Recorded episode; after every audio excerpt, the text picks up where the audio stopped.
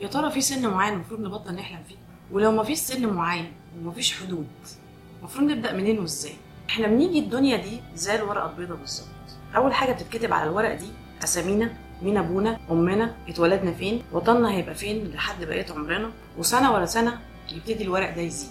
ورقة تعليم ورقة جواز ورقة شغل ورقة ورا ورقة حياتنا تبتدي تكبر وتتوسع. وفي النهاية بتنتهي بورقة. في ناس بتعيش لحد ما تشوف أولاد أحفادها وفي ناس بتمشي من الدنيا حتى قبل ما تقول كلمة بابا وماما. الحياة قصيرة جدا مهما طال. يا إما نعيشها بنحقق أحلامنا حتى لو قابلتنا مصاعب يا إما نعيشها بننفذ خطط حد تاني رسمها لنا. ونفضل نأجل في أحلامنا سنة ورا سنة عشان حاسين إن إحنا لسه مش جاهزين أو معنى أدق خايفين. كان يا مكان ولد عنده خمس سنين. أبوه فجأة توفى وسابه هو وأمه. وهو عنده 16 سنة اضطر إن هو يسيب المدرسة لأن أمه ما كانتش قادرة على مصاريفه لما وصل 17 سنة كان اوريدي اترفد من أربع شغلانات. وهو عنده 18 سنة قابل البنت اللي حبها وقرر إن هو يتجوزها واشتغل في السكة الحديد عامل اللي بيفتحوا شريط القطر وبيقفلوا شريط القطر. وهو عنده 19 سنة ربنا رزقه ببنت جميلة. لما وصل 20 سنة مراته قررت إن هي تسيبه وخطفت بنته وسابته ومشيت. لما وصل 22 سنة قرر إن هو يلتحق بالجيش ويبتدي يذاكر قانون إذ ربما يكون حظه أحسن إنه يلاقي شغلانة محترمة بعد ما يخلص جيش ويقدر يشتغل في القانون. فضل يقدم في شغلانة ورا شغلانة واترفض من الشغلانات دي كلها محدش رضي يشغله. لما يئس تماما اشتغل بياع شهادات تأمين. طبعا ما قدرش يحقق التارجت فاترفد بعدين قرر إن هو يشتغل طباخ في مطعم صغير وفي نفس الوقت يغسل صحون. عشان يلاقي دخل يقدر يعيش منه. فضل يشتغل الشغلانة البسيطة دي لحد لما وصل 65 سنة. بعدها حس إن هو تعب وقرر يطلع على المعاش. أول مرتب استلمه من المعاش لقاه مبلغ صغير جدا لدرجة إن هو حس إنه مش هيكفيه حتى أسبوع. حس طبعا إن هو راجل كبير في السن وحس باليأس وبالعجز وحس بالضعف وحس إن هو ضيع عمره كله ما عملش أي حاجة. ولا أهل ولا فلوس ولا نجاح ولا أي حاجة خالص. فضل في الحالة دي لحد ما قرر إن هو ينتحر. المهم راح قعد تحت شجرة وجاب ورقة وقلم وقرر إن هو يكتب الجواب بتاع الانتحار بتاعه. وهو قاعد كده بيكتب المسببات يعني بتاعت الانتحار بتاعه وليه هو قرر ينتحر.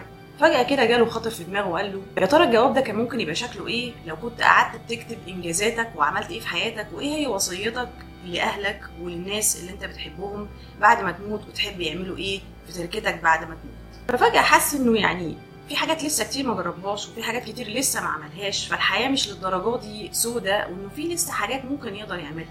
لقى نفسه إن هو كان عنده مواهب حلوة جدا أحسن من أي حد تاني لسه ما استخدمهاش ولسه ما استغلهاش. افتكر إن دايما الناس كانت بتعلق إن هو طباخ شاطر جدا وخصوصا إنه عليه فراخ أحلى فراخ دقوها في حياتهم. فقرر إن هو يبدأ بزنس صغير إن هو يعمل فراخ ويبيعها للناس راح استلف حق المقلاية وحق المكونات اللي هيعمل بيها أول شوية فراخ عشان يبيعهم للناس. وابتدى يشتغل. ابتدى يعمل فراخ ويبيعها لأصحابه ولجيرانه وابتدت الناس ترجع تشتري منه تاني. فطبعا اتشجع جدا وحس إن الفكرة نجحت. ابتدى يعمل فراخ أكتر ويبيع للناس أكتر. ولما لقى إن الفكرة ناجحة جدا قال ليه ما أروحش أبيعها لأي مطعم وأشتغل معاهم؟ شراكة يعني. المهم مفيش ولا مطعم رحب بالفكرة بتاعته. لكن هو ما يئس فضل يروح مطعم ورا مطعم لحد ما وصل ل 1009 مطعم كل المطاعم قالت له لأ.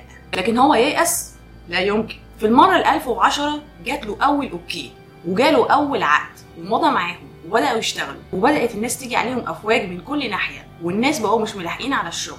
ابتدت ناس تانية تجيله وعايزين يبنوا معاه عقود. وهنا اتولدت KFC كنتاكي فرايد تشيكن كولونيل ساندرز المخترع بتاع كنتاكي فرايد تشيكن الراجل اللي بدأ حياته وهو عنده 65 سنة.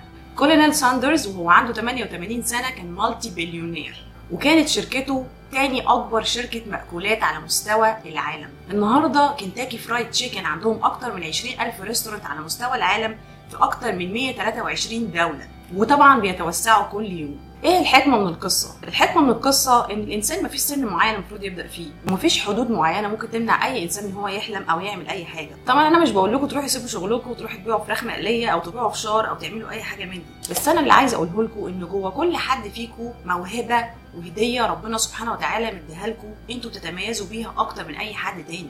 افتكروا أغنية مكي دور في نفسك جوه نفسك هتلاقي حاجة آه محدش فيها نفسك. هي الحتة دي.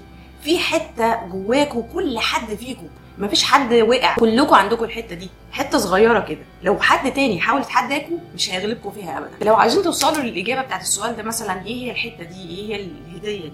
غالبا بتيجي من الناس اللي حواليكم بيعلقوا عليها بشكل إيجابي. حاولوا إن أنتوا تبتدوا تستكشفوا يعني مثلا تجربوا تعملوا حاجات جديدة. لما تجربوا تعملوا حاجات جديدة بتلاقوا نفسكم فجأة لقيتوا حاجة فيكم أنتوا ما كنتوش عارفينها. في وقت من الأوقات كنت حاسة إن أنا مثلا بيبقى عندي وقت فراغ مش عارفة أعمل فيه إيه.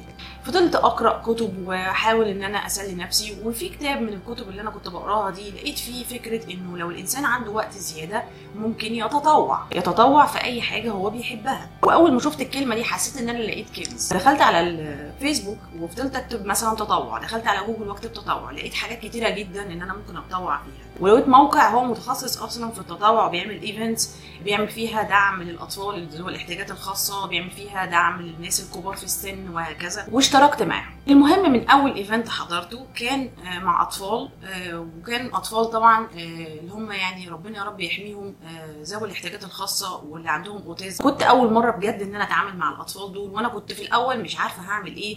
وسبحان الله الموضوع طلع سهل جدا جدا. الكلام ده كان سنة 2011 متهيألي. كان يوم من أحلى أيام حياتي. وساعتها قعدت كده في الجنينة وقعدت سرحت قلت هو ده. فجوه كل انسان في موهبة وفي مواهب مش موهبة واحدة. بس ممكن تبقى حتة صغيرة جدا جدا أنتوا مش واخدين بالكم منها ممكن تبقى هي دي الحتة الجميلة اللي ممكن تستغلوها في حياتكم. فكلامي ده مش بس للناس الشباب الصغيرين اللي لسه بيبدأوا حياتهم كلامي ده للناس اللي هي 50 سنة فيما فوق مش دي النهاية. دوروا في نفسكم جوه نفسكم. في لسه فرصة كبيرة جدا. طول ما أنتوا عايشين في أمل وفي فرصة وإن شاء الله ممكن تلاقوا حاجة تعملوها وبإذن الله تنجحوا زي كولونيل ساندرز وأكتر كمان إن شاء الله. أتمنى إن شاء الله ال audio بتاع النهارده يكون عجبكم وتكونوا استفدتوا منه. لو استفدتوا منه يا ريت تشاركوا بيه مع صحابكم ويا ريت كمان تشتركوا في القناة بتاعتي على يوتيوب وعلى البودكاست بتاعي اسمه The Afra Hamdy Podcast على Anchor وعلى اي تيونز وطبعا لو عجبكم البودكاست ده يا ريت على اي تيونز تدوني rating 5 stars وتكتبوا لي review حلو عشان ده هيرفع من معنوياتي جدا. وأكون شاكرة لكم جدا. أشوفكم إن شاء الله أو تسمعوني إن شاء الله في ال audio الجاي. مع السلامة.